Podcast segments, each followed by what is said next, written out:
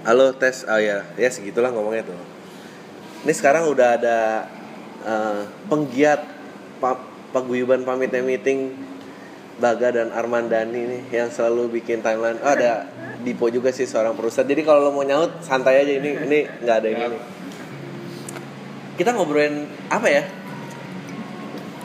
Oh ini dulu deh, gue penasaran. Lu di Tirto udah berapa lama lo? Udah dua tahun, nyaris dua tahun. Tirto tuh kesempatan bagi yang nggak tahu, lu jelasin Tirto tuh apa? Positioningnya. Tirto itu berusaha untuk jadi uh, apa Berusaha ya? untuk menghidupi Arman Dhani. Tail. Enggak, Tirto itu berusaha untuk menghadirkan uh, produk jurnalistik yang berbasis data. Tapi masih belum, sampai hari ini masih belum. Kami masih berusaha. Uh, posisi Tirto di Emang produk jurnalistik kalau nggak basisnya data apa? Emang opini boleh? Oh beda. Jelas. Ya, ya, ya, Uh, opini opini itu salah satu bentuk uh, jur- uh, karya bentuk karya jurnalistik. Hanya saja uh, Tirto itu kan ingin uh, berusaha menuju ke jurnalisme data, jurnalisme presisi. Jadi uh, bagaimana mengolah data menjadi informasi gitu. Uh, uh, kita tidak mengklaim bahwa kita sudah jadi seperti itu, tapi sedang menuju ke sana gitu. Anjing gue jadi merasa perwakilan Tirto. Nggak, nggak, nggak. Tapi maksud gua, oh berarti Tirto tuh bukan eh, tempat di mana yang menghasilkan berita-berita sangat kritis atau ke kiri-kirian gitu nggak ada ya? Oh, enggak. Justru Ah. pengennya data ya.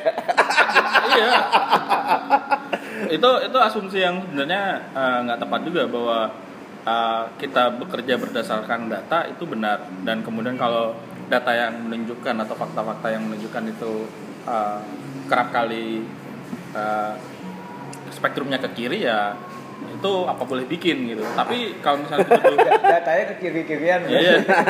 tapi kalau misalnya Tirto dibilang Deviasi kiri. kiri banget nggak juga kita Ya nggak juga eh, sih benar-benar. Uh, kita misalnya uh, berusaha belain kelompok uh, konservatif agama juga kayak misalnya saat pidato di Wonosobo kalau nggak salah yang dianggap bilang bahwa ini bawa-bawa pilkada Jakarta ketika kami melakukan verifikasi uh, liputan di lapangan terus ngelihat uh, apa transkrip pidatonya nggak sama sekali jadi itu cuman bikinan Oh. saja gitu terus uh, kita juga uh, belain uh, salah satu pondok pesantren di Bogor yang eh bukan pondok pesantren sih ada masjid yang sama warga di- ditolak Oh. nah, karena dituduh apa uh, Wahabi gitu kita tuh kita turun ke sana uh, belain bahwa ya masjid berhak si- siapa pun berhak uh, bikin apa namanya tempat ibadah. Meskipun di Bogor juga GKI Yasmin kan ditutup tapi yang kita usahakan adalah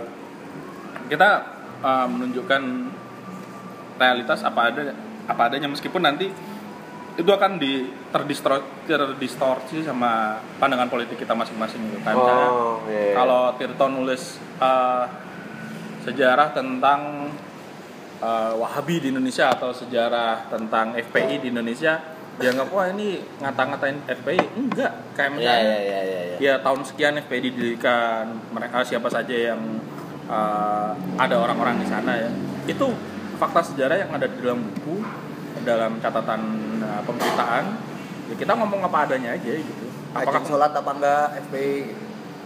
Nah itu nah ini ini ini ini ini salah satu bentuk pendistorsian. oh dia udah capek lah yang lebar. Mas. Jelasin bawa-bawa malah di Eh, settingan gue nyeletuk aja udah. enggak. tapi tapi di di era era digital seperti ini eh lu lu kan juga punya concern yang mendalam nggak buat tentang ham dan eh, lu dulu apa dulu? Fotografer TKP ya gila profesi yang pertama kali gua dengar ketemu orangnya gitu ada nih orang beneran. Em, Admin akun anonim gue. apa eh, Albi digembok ya? Tapi digembok. Admin digembok. Tapi Siapa sih digembok admin, eh, adminnya? bukannya lo? Kan gue. ya berarti bukan gua juga Enggak, ini jangan krek-krek dong. Oh, iya, iya, Berisik nih, udah tahu.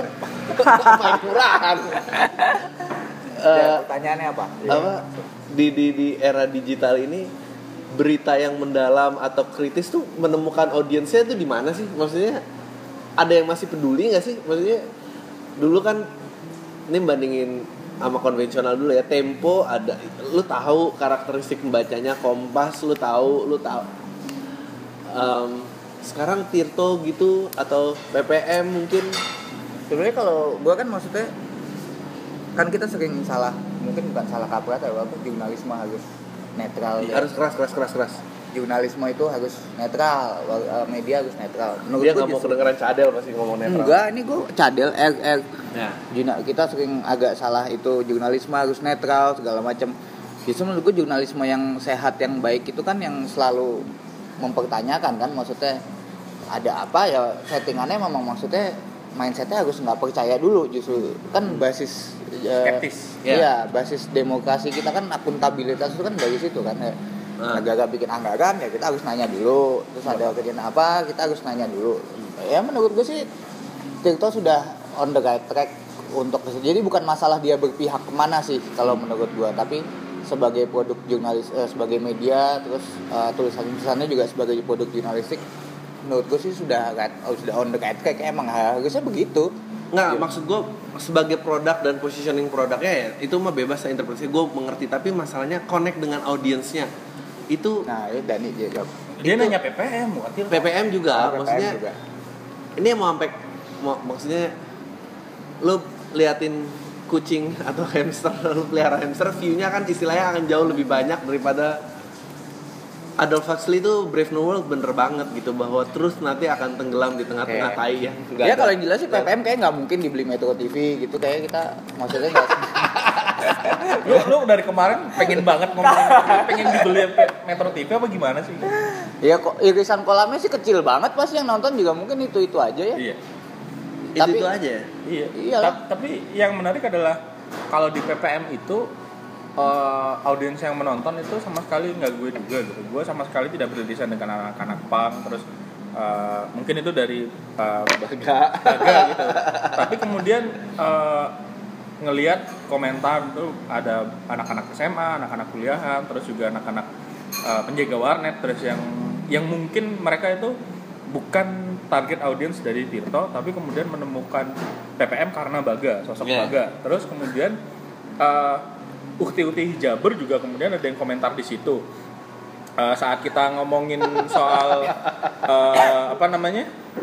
eh, hak cipta, kita ngundang orang yang paham soal K-pop, terus kemudian banyak orang yang merasa connect, terus merasa dekat bahwa oh iya ini yang diomongin di PPM ini dekat sama gua, terus eh, bersinggungan dengan gua dan merasa bahwa apa yang diomongin di PPM itu oleh narasumbernya eh, merepresentasikan kegelisahan yang sama gitu. Ya seneng puncaknya adalah ketika kita tahu bahwa ada orang-orang di Indonesia Timur yang kalau mau nonton PPM mereka harus download dulu setelah di download nanti ditonton bareng-bareng gitu itu ya bikin Di Manado. juga Iya, gitu di Manado. iya sih. Iya di Manado Ya sama lah kayak sebetulnya nasibnya kayak podcast Al Minggu tiba-tiba menemukan pendengarnya tuh juga kan. Eh, iya Kalau di Manado itu aktivis-aktivis mahasiswa. Jadi sebetulnya kan eh, PPM ini kan usaha kita untuk ganti baju gitu maksudnya. Kita tuh pengen yang terlihat concern, pengen terlihat kita pengen ngomongin isu-isu sosial, politik segala macam. Tapi gimana caranya supaya orang mau dengerin gitu, gimana supaya orang mau nengok ya. Jadi kita kemasnya memang ya dibilang ngepop gue nggak keberatan sih ya dibilang ngepop atau dibilang apa. Tapi bahwa memang irisannya kecil kolamnya kecil nggak segede kolam tai gitu misalnya nggak segede kolam lo. Kolam tai. Ya, Kolam tai ya, ya gitu, memang. ya kalau gue sih kayak dia yang nagih. Mana nih bang BPM mana nih yang nagih? Ya itu itu aja kan gue sampai apa? Sampai akhirnya gue follow ya lo gue follow aja deh sih nggak ngomong ya? Bener bener bener bener. Itu itu tahap aja kan Memang itu eh, apa tahapan belum mencapai ketenaran tertinggi ya? Saat lo masih bisa balas Iya. DM-nya tuh sendiri gitu. Makanya susah kan kalau mungkin ada beberapa orang yang wah gue pengen tenar ah telanjang ah. Gitu bisa gitu. Kalau kita telanjang kan ditangkap nggak mungkin nggak tambah tenar juga. Kalau kan? Tirto gitu. survivalnya masih akan terus maksudnya bisa terus survive gitu ya. ya gue nggak tahu. Sampai hari ini gue sebagai anak ama, ama sam- sebagai anak Tirto kalau lu nanya aduh Tirto dari mana? Gue nggak tahu. Gitu. Kalau misalnya lu tanya gitu gue nggak tahu apakah ini dari pangeran Arab atau mungkin dari mafia Cina juga gue nggak tahu gitu nih, jawab, gitu.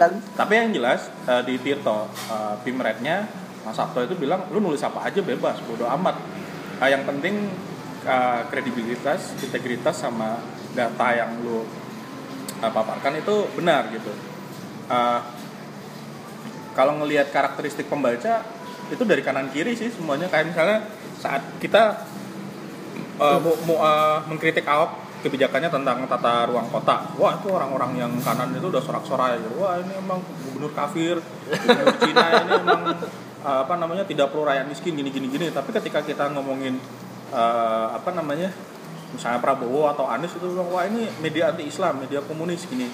Uh, Anjing jauh banget. ya. Iya, terus uh, salah satu hal yang coba kita patahkan mitos adalah ketika dulu sempat rame kan bahwa Anies itu bikin statement sungai bersih itu bukan karena Ahok, tapi uh, program be- kali bersih itu dimulai sejak zaman Foke. Ya. Terus kemudian kan diinterpretasikan di media sosial sungai bersih karena Foke itu kan distorsi statement yang sangat luar biasa. Kita coba uh, kita coba telusuri, jernihkan dan kemudian diapresiasi sama orang-orang konservatif. Meskipun kemudian orang-orang ini juga marah-marah ketika kita bilang bahwa uh, Partai Komunis Palestina itu adalah yang paling awal uh, mendengungkan kemerdekaan Palestina gitu. Mana mungkin ada partai komunis di Palestina gitu. Kita udah ngasih tahu ini ini ada yang namanya Laila Khalid. Laila Khalid ini perempuan, udah perempuan komunis pula dan dia memperjuangkan uh, kemerdekaan Palestina itu udah udah Itu gimana kalau mereka tahu di Palestina ada beer fest itu ya? Yang dibikin Taipei beer itu tiap tahun juga ada Nah itu juga. itu kita udah coba tulis terus bilang wah ini itu kan Taiber itu di daerah pendudukan Israel gitu. Oh, oh berarti anda setuju bahwa eh, apa Ramallah itu daerahnya Israel bukan daerah Palestina ya? Berarti kamu setuju bahwa negara apa Ramallah itu daerah kekuasaannya Israel bukan eh, apa rampasan dari Palestina itu udah diem aja kan? Tapi enak Ah, itu susah. Taipei makin itu makin banget. lama pembaca Tirto tuh makin meluas bukan karena kita disukai tapi karena kita dibenci. Jadi Tirto gede itu karena memang dibenci karena emang kesel kan gitu. Uh, ada screen capture ini uh, waspadai media-media pro Ahok gitu. Ada Tirto di situ. Tapi kemudian suatu saat uh, wasdai wa- waspadai media-media uh, apa namanya hoax yang disebarin sama pendukung Ahok juga gitu. Ada nama Tirto juga di situ gitu. Wah ini kita seneng banget gitu kan. Iya iya iya. Uh, iya, iya. kayak misalnya ketika gue ngomong uh, gue uh, tahun lalu 2016 itu nulis hikayat Raja Gusur gue membandingkan bagaimana uh, Ahok menangani tata kelola kota dibandingkan dengan Sutioso Foke dan gue bilang bahwa Ahok itu fair ketika dia uh, gusur dia pakai peraturan bahwa di peraturan ada celah hukum bahwa dia boleh minta tolong sama militer itu sah secara hukum dan Ahok menggunakan itu. Tapi apakah itu dibenarkan uh, secara Kemanusiaan, etika? ya, ya. tentu tidak. Tapi dia jujur. Eh. Ahok itu jujur. Beda kalau misalnya kalau kita baca laporannya Human Rights Watch tahun 2006 bilang bagaimana Sutioso melakukan penggusuran tiba-tiba ini daerahnya yang mau digusur rakyatnya nggak mau besok-besok kebakaran gitu kan Iya, iya. Terus ya apa ada satu daerah sini. Listrik mati, Iya, ada itu- air itu teringat. apa di sini ada daerah tahu-tahu di situ ada penusukan aja ada preman datang gitu kan. Setidaknya Ahok fair. Dia ngomong "Ah, ini daerah Pemda lu duduk- dudukin ini lu kalau nggak cabut gue bulldozer gitu. Itu fair. Tapi penanganannya eh, manusiawi itu tidak itu lain perkara. Spektrumnya kan Iya, iya, iya, iya, layer-layernya itu beda. Nah ketika Ahok dikriminalisasi dengan undang-undang penistaan agama kita belain gitu. Iya. ini Tirto ini maunya pasti kok oportunis gitu? Dulu mengkritik mengkritik Ahok karena penggusuran tapi sekarang kenapa belain saat kasus blasphemy gitu? Seolah-olah kalau lu misalnya udah benci ya udah kontra ya lu harus cari j- jeleknya aja nggak boleh cari baiknya. Masalahnya kami berpikir di Tirto bahwa apa undang-undang blasphemy penis- penista, penistaan penodaan agama itu undang-undang yang konyol dan kita bilang bahwa Ahok ini bukan yang pertama ada banyak banget gitu. Nah, terus ya, ya sentimennya kemudian media anti Islam gitu kan. Media anti Islam kalau misalnya ngeritik Ahok ini media hoax gitu. Ya kita Padahal media anti sobek ya. tapi tapi kayak kalau lu ngelihat sekarang gitu eh ya kita udah tau lah kayak sensasi itu jauh lebih cepat gitu nyebarnya daripada prestasi gitu ya. Makanya si orang yang nggak bisa bahasa Inggris tuh udah nyalonin jadi bupati di Depok. Itu siapa namanya? Di Depok kan? Depok apa mana sih? Apa? Si Vicky itu. Iya Vicky itu. Jadi Oh, apa dia? Bekasi. Bekasi. Bekasi kan? Bekasi. Em, terus integritas jurnalisme tuh ada apa nggak ada sih? Maksudnya di, di, di dunia. Eh, integritas digital ini? tentu ada gitu. Gue nggak bilang Tirto itu selalu benar. Tirto pernah salah dan pasti ke depan bakal bikin salah. Dan masalahnya adalah ketika lu bikin salah lu melakukan koreksi atau tidak. Dan Hmm. kemudian mengakui bahwa oh iya kami pada tanggal sekian menuliskan berita ini dan ini salah kami mengoreksinya gitu. Kayak kasus terbaru adalah eh, di eh, di Sulawesi di Bulukumba apa gue lupa. Itu eh, kita menurunkan berita bahwa sekelompok, sekelompok masyarakat Syiah diserang terus eh, mereka masuk rumah sakit. Hmm. ki- kita tulis bahwa eh, imam eh, masyarakat itu dibawa ke rumah sakit karena Syiah gitu. Jadi eh, terus banyak yang protes. Emang di Indonesia jadi Syiah itu kejahatan sampai kemudian di itu. Nah kita akui oh ya kita salah di situ. Kita minta maaf kita melakukan koreksi dan kemudian memuat hak jawab. Kan maksudnya buat ngasih konteks kali ya ditulis ya bahwa untuk uh, menjawab bahwa kalau salah lu harus minta maaf dan melakukan koreksi. Uh, sejauh mana media kita bertanggung jawab dan berkomitmen terhadap uh, hal itu, itu yang kemudian bisa jadi tolak ukur. Kalau misalnya Mas Zen atau Fahri Salam, editor gue bilang integritas media itu gampang kalau di online. oh ya Kantornya ada nggak? oh, kantornya ada nggak kantornya ada nggak gitu? Kayak misalnya gini deh, PKS Pion, kantornya di mana sih? Iya, Enggak, bener. kita bisa datang ke alamatnya enggak gitu. Kalau misalnya gitu deh. Kalau orangnya dicari ada berarti dia punya integritas gitu ya Iya, kalau dan dan bertanggung jawab itu loh. Kantornya di mana? Siapa susunan redaksinya? Itu aja gampang. Kalau misalnya nggak ada, udahlah nggak usah dikutip dan nggak usah dipercaya. Tapi kerap kali kan kita nggak ngelihat integritas sejauh itu. Kita ngelihat sebombasis apa judul beritanya. si kalau lu ya lu juga boleh sih gak tune in kalau lu lihat eh, dengan makin banyaknya orang yang tersinggung eh, kebebasan berbicara tuh makin ada apa makin nggak ada sih sebetulnya? Lu nggak? eh ini nyambung nyambung ke LBH kemarin ya. Maksudnya biar siapa yang mau cerita kasus eh, ini kronologis eh, LBH dulu lah biar biar biar semuanya ngeh. Kronologis. Kronologis.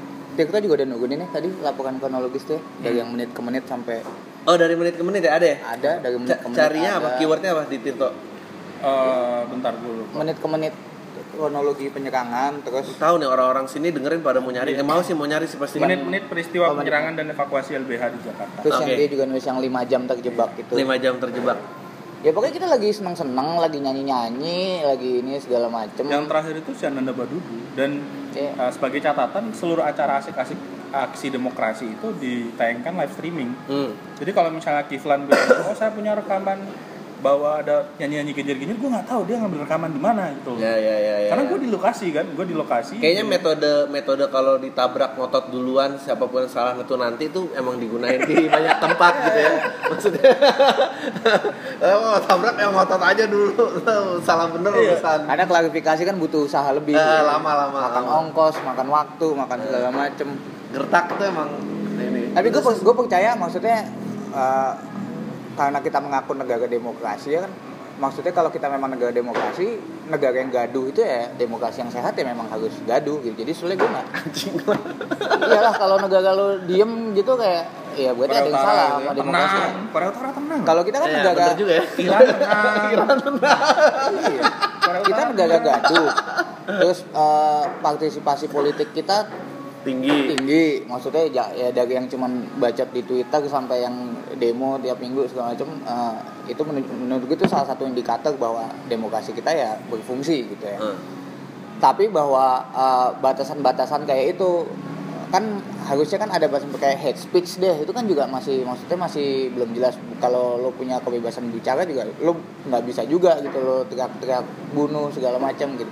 Kalau gue sih kayak semalam kalau itu ya semalam spesifiknya semalam sebetulnya mereka demo gue nggak masalah gitu. Maksudnya ya biarin aja. Tugas polisi pokoknya jaga acara di dalam tetap berlangsung gitu. Kalau kemarin hari Sabtu tuh yang gue inget banget karena polisi yang ngomongnya ke gua di depan pagar polisi bilang acara ini harus berhenti karena ada potensi gangguan keamanan. Itu logika, logika polisi kayak gitu. Loh kan aneh. Kalau memang ada potensi gangguan keamanan ya tugasnya polisi buat jagain gitu. Iya bener juga ya. Iyalah kan kita bukan bukan bayar pajak ke polisi buat bikin acara 86 dan segala macam kan kita emang jaga buat eh kita bayar buat lo jagain acara beginian gitu. Maksudnya buat eh, buat jagain ruang publik dan eh, kebebasan berekspresi berkumpul itu tadi. Gue sih tapi ya tahu sih. Eh, apalagi dengan undang-undang yang lagi mau dirumuskan itu di mana eh, semua bertanggung jawab atas mulutnya masing-masing. Dulu kan ceritanya semua Eh. kalau lo ngomong tapi eh, media penyiaran yang dikejar. Tapi sekarang eh, ya udah media penyi- penyiaran pun bisa lepas. Ya udah yang yang ngomong aja yang dihajar. Lu ng- ngeliat itu gimana? Karena Ya, kalau dari bisa- sisi komedian bisa sih gue sih udah ketakutan. Langsung bisa dipidanakan. Ya langsung bisa dipidanakan gitu. Itu gimana? Nah, gue nggak ngerti logika uh, pemerintah kita sekarang. Uh, dulu ketika uh, kita gue milih Jokowi berharap bahwa dia kan uh, menjamin kebebasan sipil, terus uh, kebebasan berpendapat yang kerap disalahpahami adalah soal kebebasan berpendapat itu adalah sama dengan kebebasan memaki, kebebasan menyebarkan kebohongan. Itu yang salah gitu. Nah, setiap orang berhak memaki, iya benar, tapi dia harus siap dengan resikonya. Kalau lu misalnya ngatain uh, Jokowi anak komunis, lu harus bersiap untuk membuktikan itu. Dan ngatain Jokowi anak komunis itu sangat sama sekali berbeda dengan ngatain bahwa oh Jokowi uh, fokus pada proyek infrastruktur dan tidak fokus pada kasus hak asasi manusia itu dua hal yang berbeda. Ngatain Jokowi komunis itu nggak pakai tenaga, lu nggak riset dulu, Iya, iya. sekedar ngatain dan ketika lu ditangkap, lu nggak bisa teriak-teriak ini kebebasan berpendapat, enggak lu memaki dan lu me- memfitnah karena lu nggak punya data. Tapi kalau misalnya gue bilang, oh Jokowi fokus kepada pembangunan infrastruktur, tapi dia tidak fokus kepada hak asasi manusia, indikator apa yang lu pakai gitu. Ini ini ini ini, ini. gue punya datanya. Tapi kalau misalnya lu ngatain uh, Jokowi itu komunis atau ibu negara uh, dengan profesi yang merendahkan gitu, yang ada yang ngatain pelacur, ya itu bukan free speech, itu hate speech dan uh, kalau misalnya dia dikenai uh, pasal undang-undang atau apa pun, ya itu resiko. Hmm. Uh, tugas kita sebagai masyarakat sipil apa?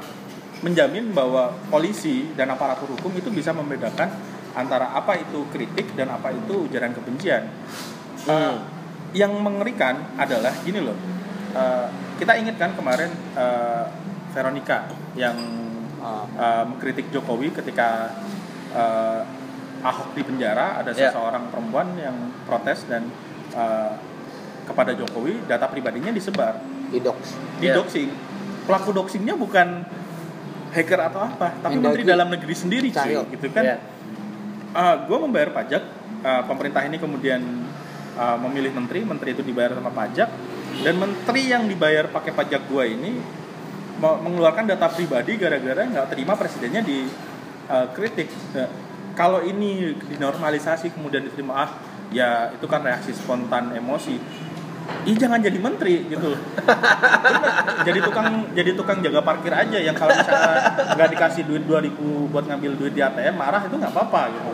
Lu nggak bisa uh, berharap dia orang dengan karakter kayak gini kan jadi menteri itu gitu. kom- ma- itu kan bagian dari kompleksitas freedom of speech tadi ya kalau Dani kalau gue sih juga gue kadang nggak sepakat sih kayak maksudnya kan kalau freedom of speech itu ya banyak banget nih kalau yang di uh, hukumnya kan Ya. ada maksudnya batasannya ada mungkin yang maksudnya lagi diituin kan ada hate speech ada defamation ada Blasphemy. blasphemy, Blasphemy. ada pencemaran nama baik lah apalah segala macam gitu. Iya. Kalau memaki itu buat gue itu masih bagian dari free speech sih maksudnya.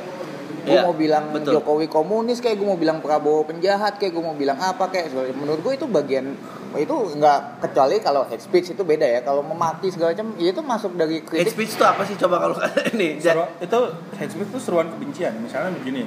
ngajak orang bunuh Nah, iya, itu gitu, Oh, melakukan oke. tindakan uh, kriminal untuk mem- uh, membenarkan aksi. Misalnya begini, wah dasar orang Cina brengsek semua nih. Gerakan gerakan selamatkan Lika dari Baga gitu misalnya. Nah, itu hate speech itu hate speech banget Nah, itu itu gerakan moral loh. Gua mendukung gitu. basisnya langsung moral ya anjing ini basisnya langsung moral ya nggak bisa dikutak atik kalau nggak ikutan berarti lo immoral Iya, berarti harus di search aja istrinya Baga kayak apa lo lihat perlu diselamatin apa enggak.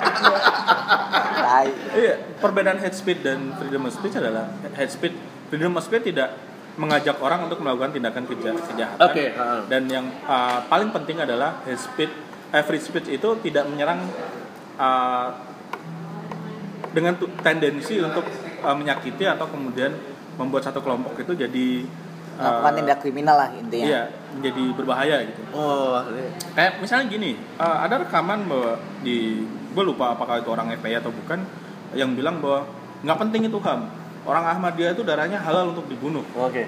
itu hate speech itu Oke, speech. baik. itu siapa sih ya yang ngomong gue lupa lupa gua Nah, itu rekamannya aja di video dan itu adalah SP. Kenapa? Karena ngajak orang untuk melakukan pembunuhan. Kalau misalnya eh, kayak kayak yang semalam itu, itu bukan yang penyerangan LBH semalam itu kalau misalnya mau jujur itu bukan kategori hate speech bahwa eh, di LBH ada eh, acara kumpul-kumpul yang diduga PKI. Kita datang ke sana untuk menghentikan acara.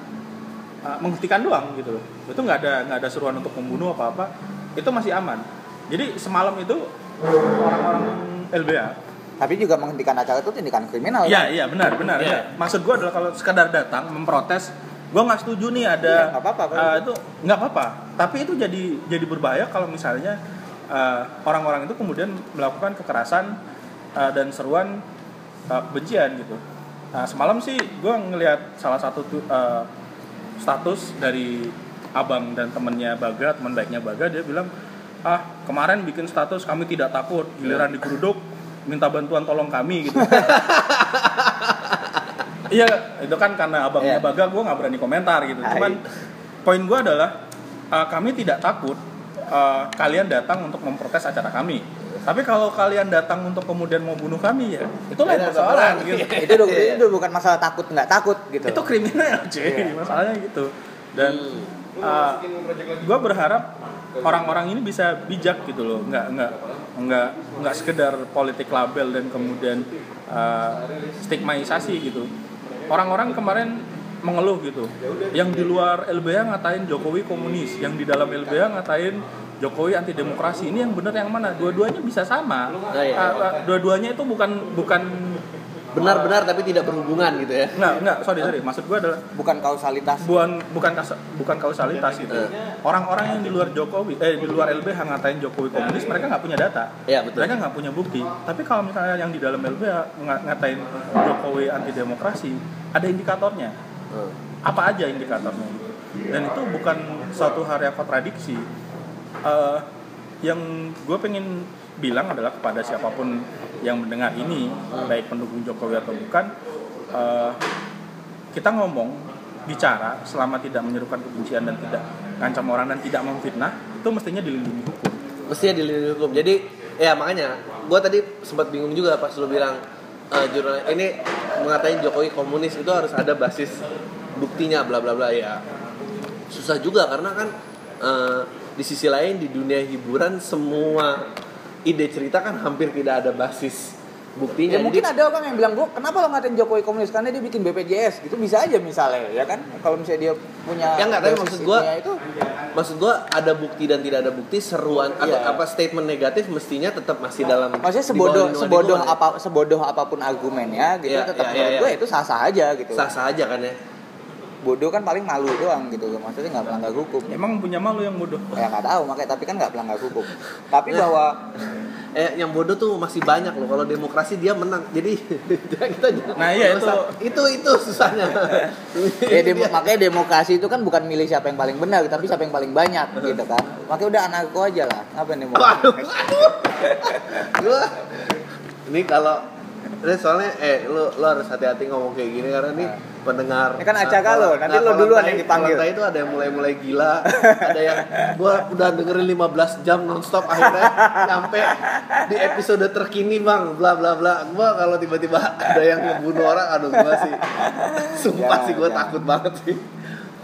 Gue mau ngomong apa tadi? Oh terus kembali lagi tentang eh, eh, eh, eh, narsum yang tidak dilindungi hukum. Itu gimana cara nyegahnya gimana cara ya itu sih usaha pemerintah buat ituin kontrol aja ya. Maksudnya eh, menurut gue sih presiden yang harusnya punya standar pemimpin ya. Pemimpin kita ngomongin presiden ya. Gue kadang-kadang suka bingung kalau nggak apa-apa disalahin Jokowi. Ya mau nyalain siapa? Masa mau nyalain Agim. Ini kan presidennya kita milih dia dia dipilih segala macam. Dan menurut gue harusnya standar demokrasinya Jokowi itu memang eh, sangat tinggi gitu. Karena dia produk demokrasi langsung dia produk Sipil. Uh, iya presiden sipil produk demokrasi langsung produk apa voluntarisme politik kemarin tuh produk konser dua jari itu loh relawan-relawan politik dan segala macem. Jadi ya memang standarnya harusnya tinggi. Kalau dulu SBY gitu mungkin masih gue masih ada ya namanya militer ya segala macam gini-gini. Kan ketika kita milih presiden sipil Jokowi kita itu pengennya sih ya tiga kali loh punya perspektif demokrasi sipil. yang lebih bagus. Itu sipil Megawati sipil Iya. B.J. Habibie sipil.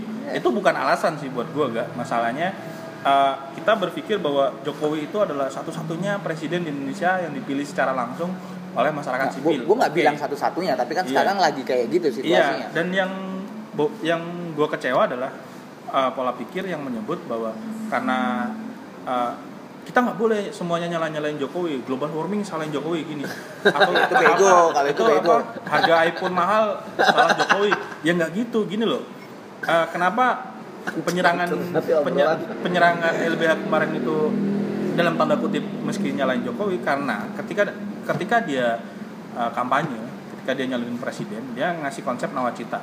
Salah satu komitmen yang dia janjikan kepada para pemilihnya negara hadir. Negara hadir. Main hadir men- bawa, bawa laras panjang macam gas air jadi kan mata. menegakkan supremasi hukum dan apa namanya menjamin hak asasi manusia itu janji dia Ya. maka ketika ada kasus-kasus ham terus kita nyalain Jokowi ya itu wajar dia Ya, sendiri wajar. yang janji gitu. Iya.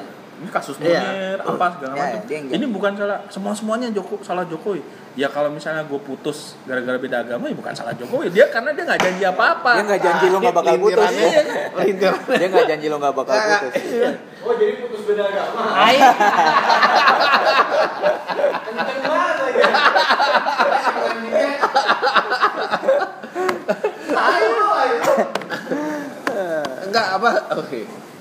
Enggak tapi kalau gua ya gue juga ada ada ada pendapat yang berbeda memang kadang-kadang capek kalau berdebat nyalahin lembaga eksekutifnya kadang-kadang eh, permasalahan kemarin tuh eh, pakai ITE untuk pencemaran nama baik dan apa memang memang harus eh, ada bentuk tekanan ke legislatifnya juga selama legislatifnya Ya. meloloskan undang-undang yang kayak gitu-gitu terus ya sampai kapan juga yang eksekutif juga udah terima terima nasnya doang lagi gitu. lagi maksudnya yang beneran representasi kita kan ada di legislatif ya kan? Iya gitu. Kalau em, ya sama lah kayak jadi si status itu tuh mau dijadiin undang-undang apa gimana sih yang narsum itu?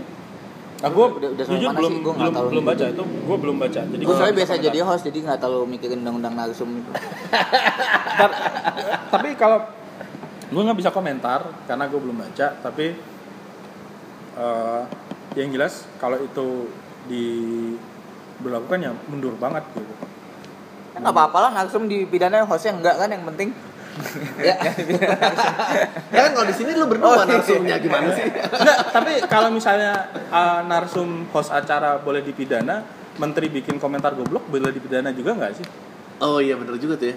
nggak fair aja gitu kalau misalnya oh pemerintah akan memperlakukan peraturan bahwa Iya. uh, host itu nggak boleh salah ngomong kalau salah ngomong akan dipidana nggak apa-apa tapi sub pa- sub pasalnya adalah benar. menteri kalau misalnya salah ngomong atau bikin komentar goblok boleh Ya, dipidana gitu. Ya.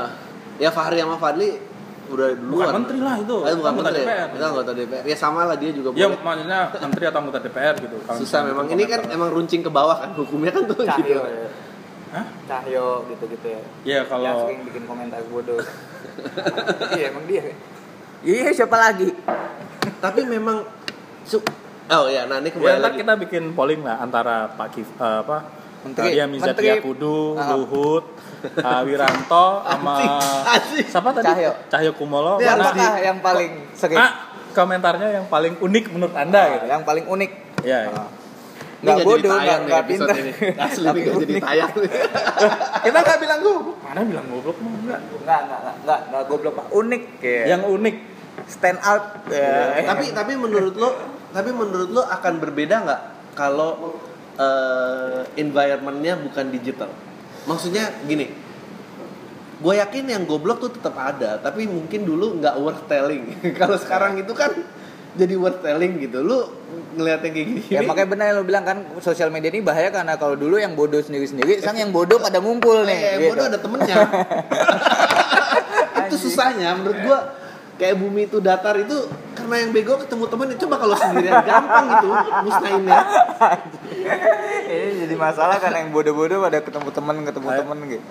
gara-gara Nggak, media iya, makanya demokrasi ini sebetulnya mau sejauh apa sih gitu pagernya nggak ada pagar apa? Ah itu bahas itu yang lucu tuh. Orang pada sering banyak yang bilang demokrasi itu apa sudah kebablasan. Ya. Ya. Emang di mana sih Apakah ada- kebablasannya? Demokrasi ya, ya, lu kan? merasa ad- uh, lu yang sebagai jurnalis dan ya itu kayak? Tirto udah sering Iya, kalau misalnya dalam konteks Indonesia, gue masih belum bisa membayangkan uh, statement bahwa kayak misalnya demokrasi itu kebablasan. Gue nggak tahu itu yang ngomong Pak SBY atau Pak Jokowi. Tapi gini deh, di Amerika negara yang uh, konon sebagai uh, penganut demokrasi iya, iya. itu, uh, lu di depan gedung putih uh, pas zaman Barack Obama ngatain bahwa oh di dalam gedung putih ada seekor kera itu Iya. nggak bakal diapa-apain. Oh, oke. Tapi lu di Indonesia uh, bilang Megawati mirip Aung San Suu Kyi aja dilaporin sama uh, relawan pro demokrasi gitu ya. Nah, Lu ngerasa ada ironi nggak di, di kalimat itu? iya iya iya. Padahal kan berarti dia dibilang mirip penerima Nobel ya. Iya, Kayaknya padahal- halus ya. Bangga harus ya. Bu Mega.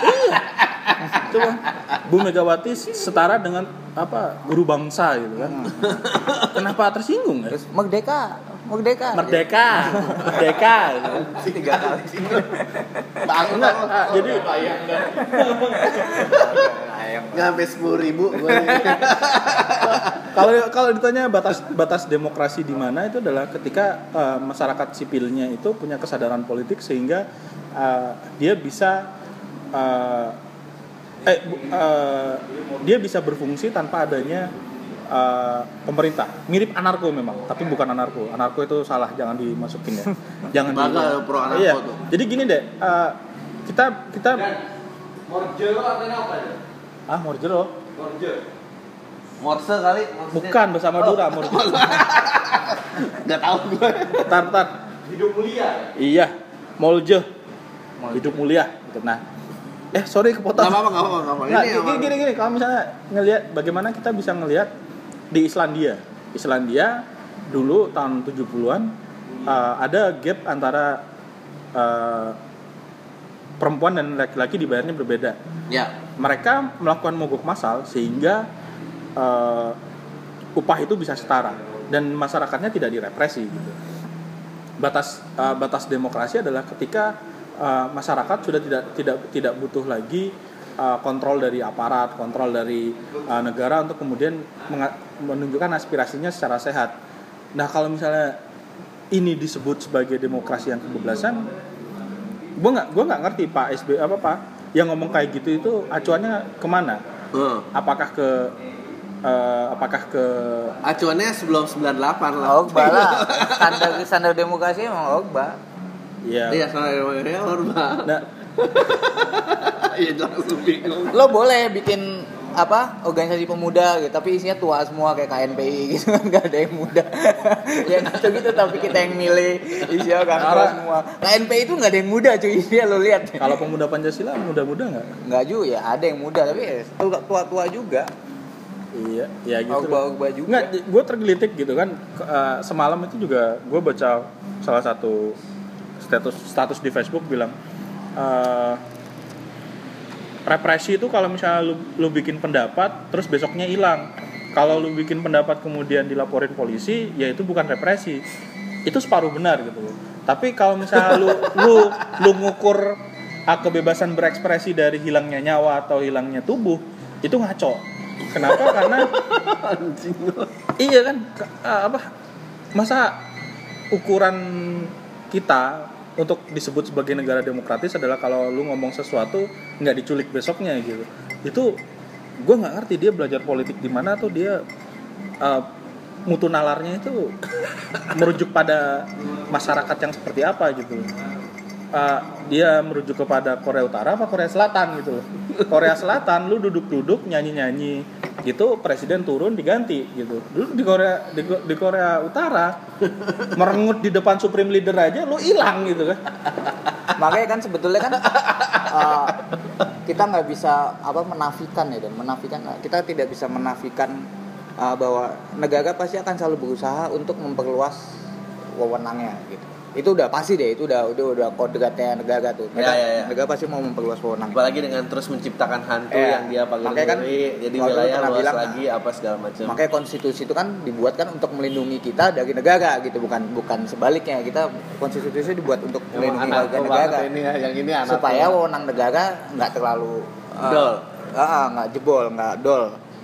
Nah itu dia. Jadi ya ini negara bikin hantu-hantu ini benar yang lo bilang dia bikin work on hoax lah work on terrorism lah work on uh, drugs Ya. work on komunisme segala mereka bikin hantu-hantu yang ujung-ujungnya pasti mereka akan minta kewenangan lebih Betul. ya kan ini lo gue bikin genting situasinya gue bikin musuh gue bikinin musuhnya ujung-ujungnya mereka minta kewenangan lebih bisa undang-undang bisa apa segala macem Ya. yang biasanya represif yang ya pokoknya kalau undang-undang itu kan pasti ada yang dikasih lebih ada hak kita yang diambil kan pasti pasti kan gitu ya ada hak kita yang dikorbanin jadi ya itu dia yang maksudnya kalau tadi bilang demokrasi kebablasan ya bukan demokrasi kebablasan memang pertarungannya di situ. Pasti negara mau minta itu lebih kita harus ngejaga supaya jangan sampai mereka minta terlalu banyak gitu. Karena hantunya abstrak tapi nanti wewenangnya real banget.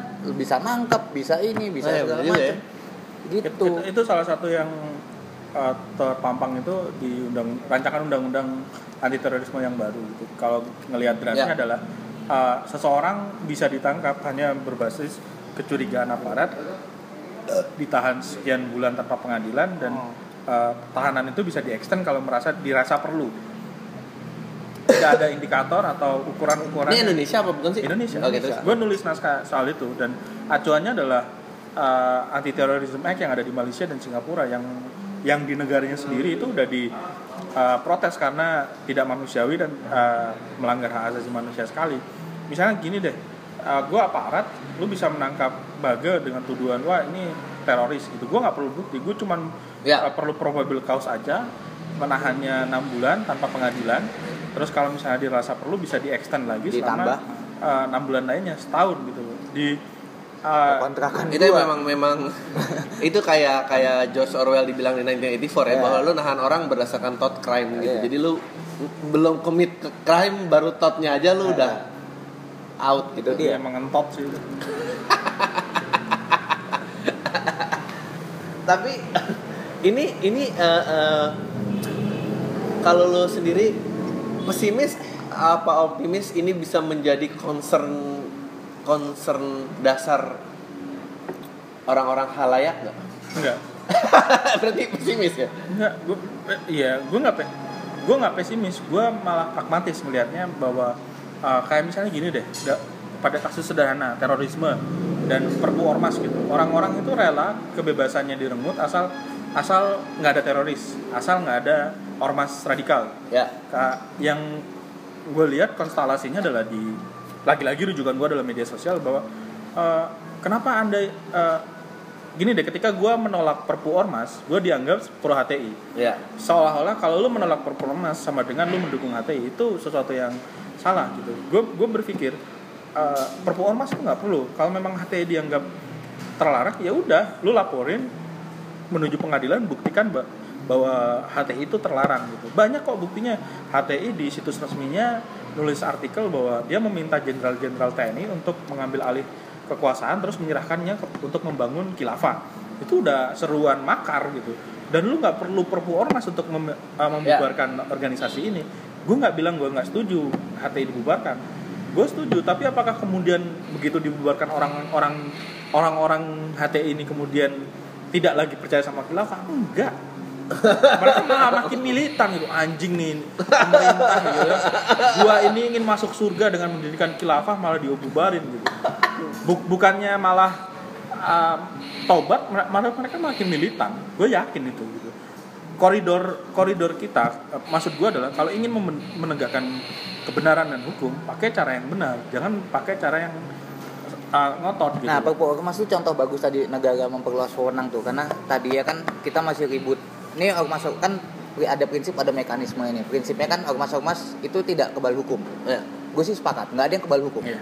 Ormas kalau misalnya ini bisa dibubarkan segala macam gini-gini ada undang-undangnya kan tuh mekanismenya lewat pengadilan segala macam Iya. nah perpu ormas ini kalau gue pribadi gue tolak karena negara membypass mekanisme pengadilan itu kan pakai Iya. perpu gitu jadi sebenarnya Oh. bukan masalah bukan masalah eh, perpu bukan masalah Undang-undang prinsipnya nih, prinsipnya, ya. ha. Tapi yang negara ketiga- ngambil- nah, negara itu memperluas wewenangnya di bypass mekanisme ya sama dia gitu padahal harusnya mekanisme ini yang kita oke deh misalnya boleh gue sepakat emang ormas nggak ada yang kebal hukum mekanismenya gimana pengadilan segala macam gini-gini Ya tadi maksud pertanyaan gue Jangan adalah malah kalau ini kan ini kan bahasannya jadi mendalam nih. Hmm. Ini menjadi concern publik tuh gimana caranya? Bahwa bahwa eh ini tuh juga mengganggu. gue suka banget tuh statementnya si siapa itu yang dianggap whistleblower di Amerika? Eh, Edward Snowden. Snowden, Dia ya. bilang eh, kalau lu kalau lu nggak punya masalah dengan privacy dengan dengan alasan I have nothing to hide, Ya. berarti lu sama aja nggak mendukung free speech because you have nothing to say. Iya. Itu menurut gua statement yang sangat, Sangat luar biasa. ya, bold banget. nah, em, lu berdua kan punya knowledge lebih gitu, maksudnya ini ini apply kehidupan orang-orang biasa biar menjadi dipedulikan karena there's no way to win peperangan ini tanpa masa kan? Anjing kok nih kayak jadi ngajak makar ya? Tapi tapi gitulah kira-kira. Lu Kan melihatnya reformasi, gimana? reformasi itu hasil makar loh jangan alergi sama makar lah. Lah reformasi kan hasil makar. Lo kalau nggak ada makar masih orba cuy. Orang pada alergi banget sama makar. Eh, kepada Intel yang mendengar ini saya tidak setuju ya. Saya Arman lo, lo tuh, Itu lo tuh baga. pada alergi banget sama makar. Lo lupa ini semua yang kita nikmatin sekarang tuh hasil makar hasil turun ke jalan ya kembali lagi Itu statement Baga. Saya tidak. Saya dan Adriano tidak ya.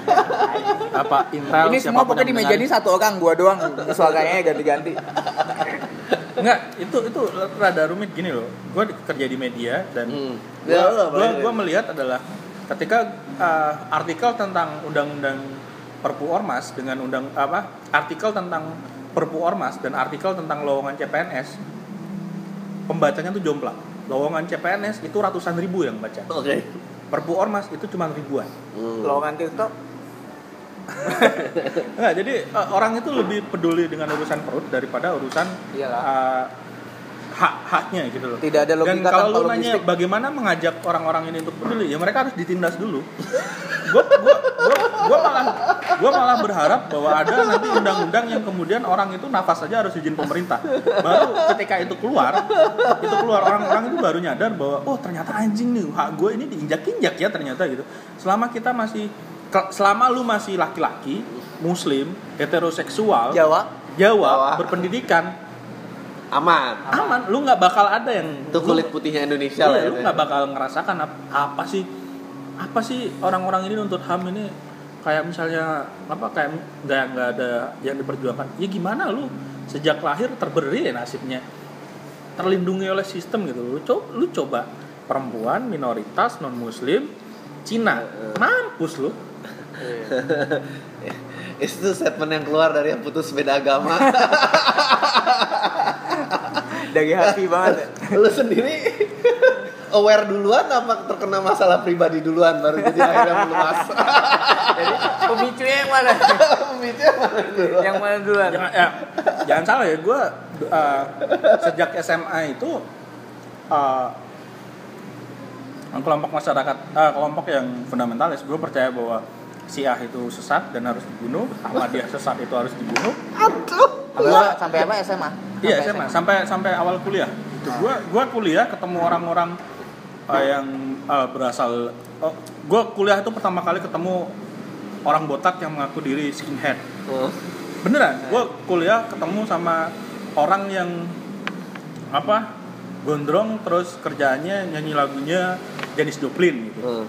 gue kuliah itu bener-bener membuka mata dan itu privilege kan nggak semua orang Iya, bisa iya, kuliah iya, betul. dan gue ngelihat bahwa ah gue di rumah kalau nggak sholat nggak sholat di masjid itu dipukulin sama bokap gue dan gue ngelihat ketika kuliah ini orang-orang kenapa nggak ada yang sholat? Emang nggak ada yang dimarahi emang nggak dimarahin sama bapaknya? Emang nggak dimarahin sama ibunya? Gitu. Terus kemudian terus gue masuk ke organisasi di mana yang uh, dia itu kalau misalnya uh, diskusi itu uh, udah udah ngomong apa aja udah gitu. Gue tersinggung ketika uh, mereka bilang gini, gini deh Nabi Muhammad itu diutus untuk menyempurnakan Alak. akhlak atau nyuruh kita sholat gitu. Ya, Waduh, kita sholat, gitu. sholat itu penting. Ya udah, eh, berarti alak tidak penting. Ya itu penting, sholat itu yang agama gitu. Karena, karena itu benar kusir, ya, ya. gitu. Terus kemudian anjing nih orang ini. Terus yang ngomong kayak gitu Kristen lagi. Ayo, gue kan emosi kan. Wah ini darahnya beneran halal gitu. Kemudian dari situ kita tuker-tukeran buku. Dia Wah anjir itu itu momen pivotal ya. Iya, terus kemudian baca Bukunya Tegeli ya? Sohogi, anjing. Oh, kan tukang buku buku Ba- Tegeli. ya? Sohogi terus baca Ahmad Wahib, kemudian ketemu, oh yang gua pengen bunuh orang-orang Syiah ini ternyata dia temen temen sekelas gua gitu. Dan dia nggak pernah dia nggak pernah ngajakin gua untuk nyembah Imam Ali gitu kan. Kok beda banget sama omongan bokap gua gitu kan. Iya kan bok- bokap gua itu di rumah kalau jangan kumpul sama Syiah, Syiah itu menuhankan Imam Ali. Sholatnya itu tiga kali sehari. itu apa namanya? Apa sesudah sholat itu kerjaannya apa mengutuk sahabat gitu. Anjing gua gue satu kosan gitu satu satu satu jurusan satu kelas gitu. Gue sholat sama dia kagak pernah gitu kan terus ini yang benar yang siapa gitu? Bokap gue apa gini? Bokap gue kan yang ngelahirin apa? Keluarga gue gitu loh. Masa dia bohong gitu?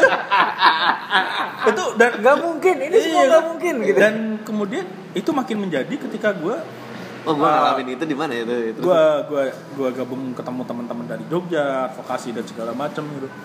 Akhirnya luntur semua. hancur Jul.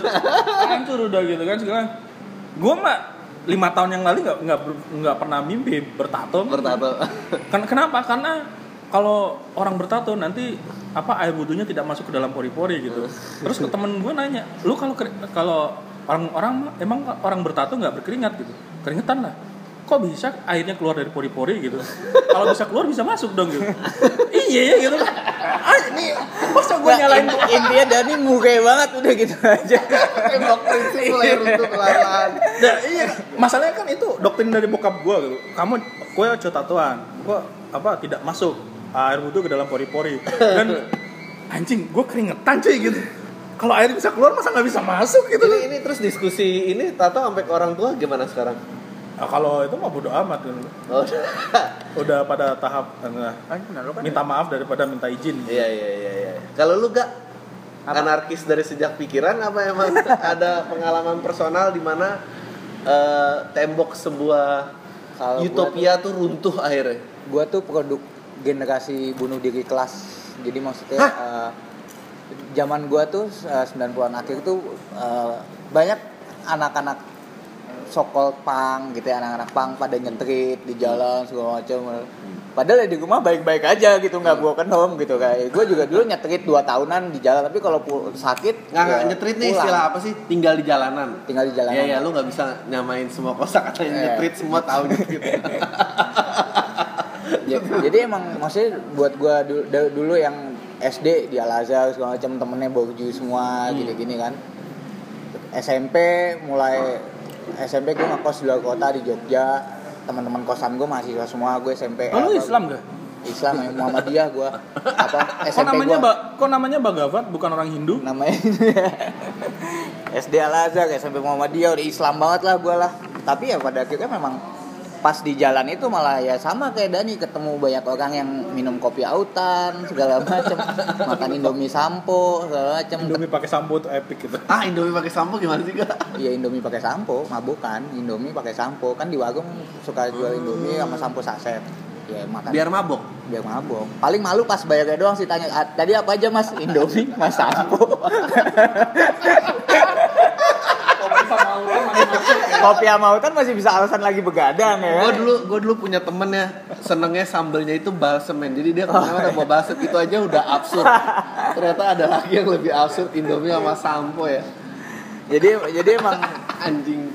emang gue makasih banget sih sama zaman zaman maksudnya zaman zaman di jalan maksudnya yang membentuk gue sekarang ya ya zaman zaman itu, Itu tuh proses kreatifnya dia tuh berapa kali salah tuh sampai ketemu mixture antara Indomie dan sampo. iya kalau kopi Indomie apa gak yang rasanya paling enak dengan sampo?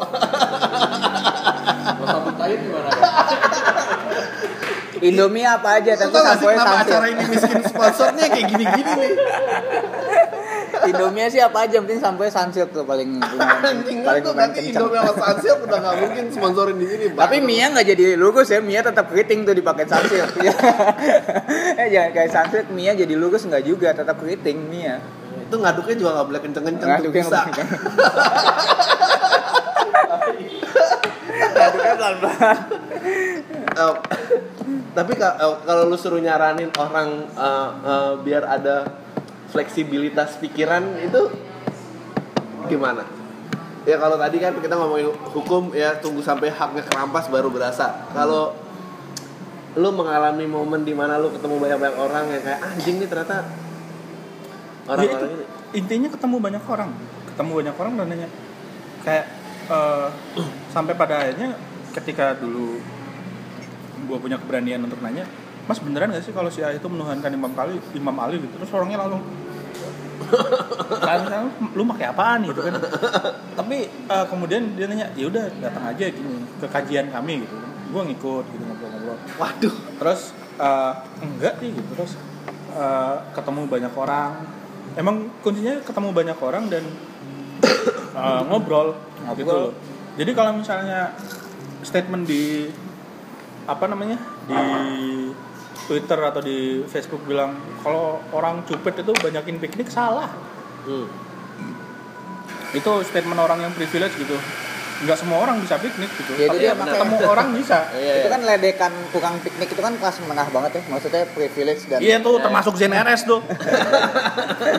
Makanya semua orang fokus kita udah sampai di mana sih sekarang? Lu udah sampai mana sih? Nah kalau yang tadi Dani bilang lu banyakin ngobrol sama orang itu supaya lu tahu orang tuh berangkatnya tuh beda-beda asalnya tuh. Jadi jangan fokus kita udah di mana gitu. Mendingan mulai mulai cari tahu deh nih orang berangkat dari mana? Lo berangkat dari mana? Kita sendiri berangkat dari mana? Ya, nanti lo akan jadi open minded sendiri gitu bilang. Sekarang eh, eh, apakah ruang diskusi yang open minded ini bisa terjadi secara digital?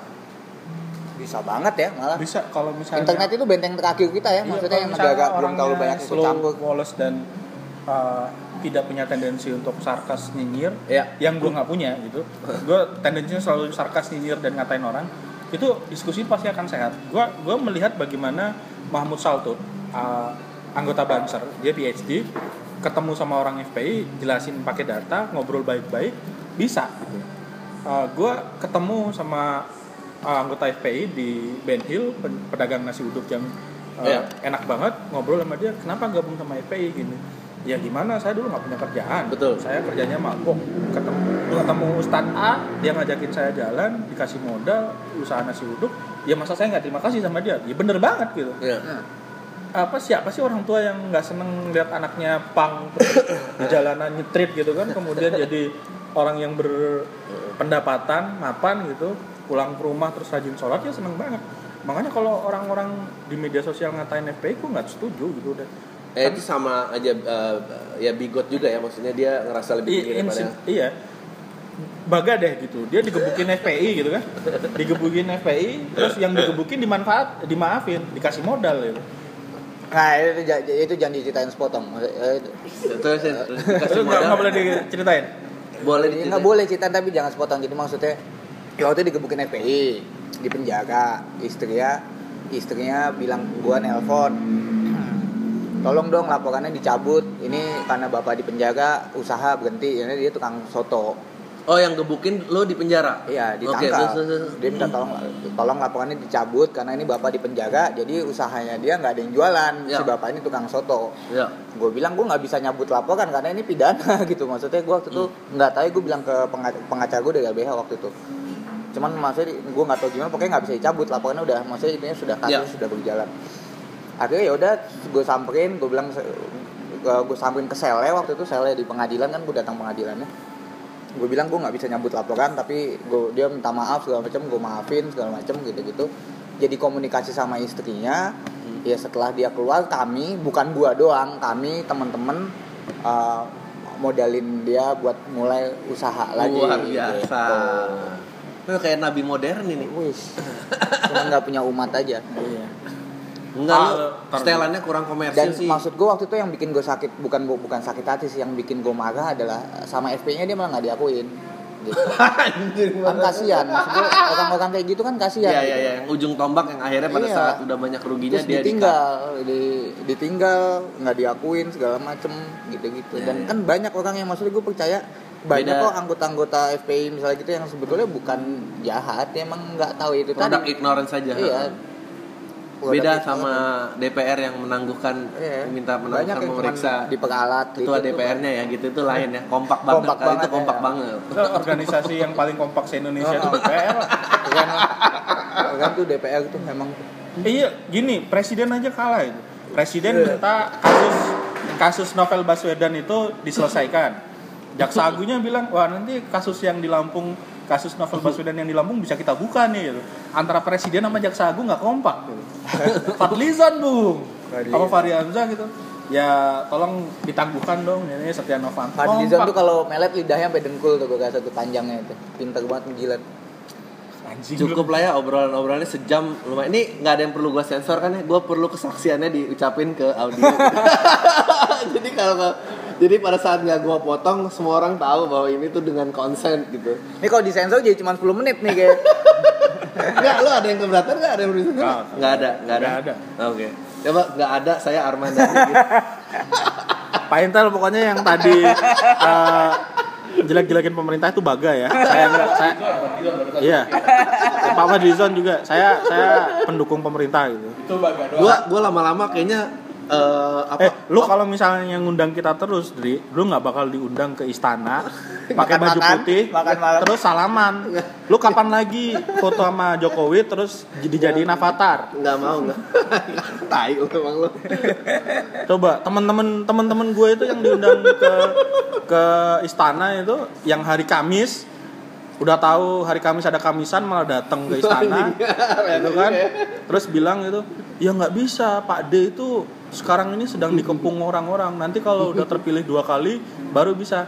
Gue kasih tahu ya sekali aja di- kepilih dia bohong apalagi dua kali. Kagak. Gue kagak mau mi- milih yang kayak gitu. Lu aja yang milih gitu. Kalau bulan tahun depan itu Prabowo naik gue milih Prabowo aja deh nggak apa-apa. Udah golput aja golput. Paling benar mau sih tidak nah itu juga tuh. Prabowo mah kagak kagak pernah bohongin gue udah udah udah udah udah udah udah harus dikat nih terima kasih semuanya tai lu semua deh